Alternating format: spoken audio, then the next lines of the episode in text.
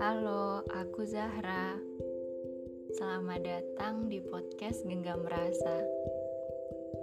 Yang bicara nggak hanya tentang kamu, tapi juga tentang kita.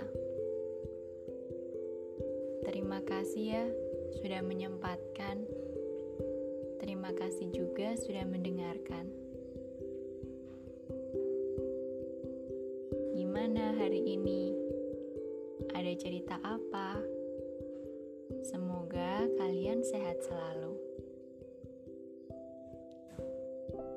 Masih belum beranjak dari Bekasi. Tentunya masih dengan manusia yang sama manusia yang sudah hadir dan mewarnai setiap perjalananku sejak 12 tahun lalu. Kamu memang seperti orang pada umumnya yang akan marah saat ku ganggu, yang usil, yang bisa tertawa, dan tentu bisa juga bersedih. Ya, seperti orang pada umumnya.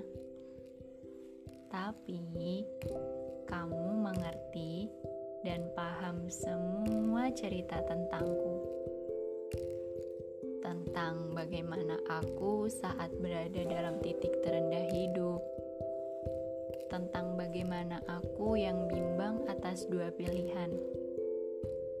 Tentang bagaimana aku yang bahagia atas sebuah kejutan, dan semua tentangku. Hingga pada akhirnya, kita sepakat untuk tak terikat. Tapi perlu kamu tahu, rasaku masih tetap melekat. Meskipun aku sadar jarak kita tak beralih dekat.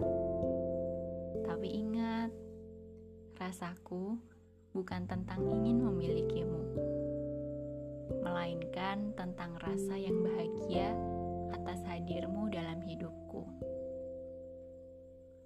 Kini kita adalah teman.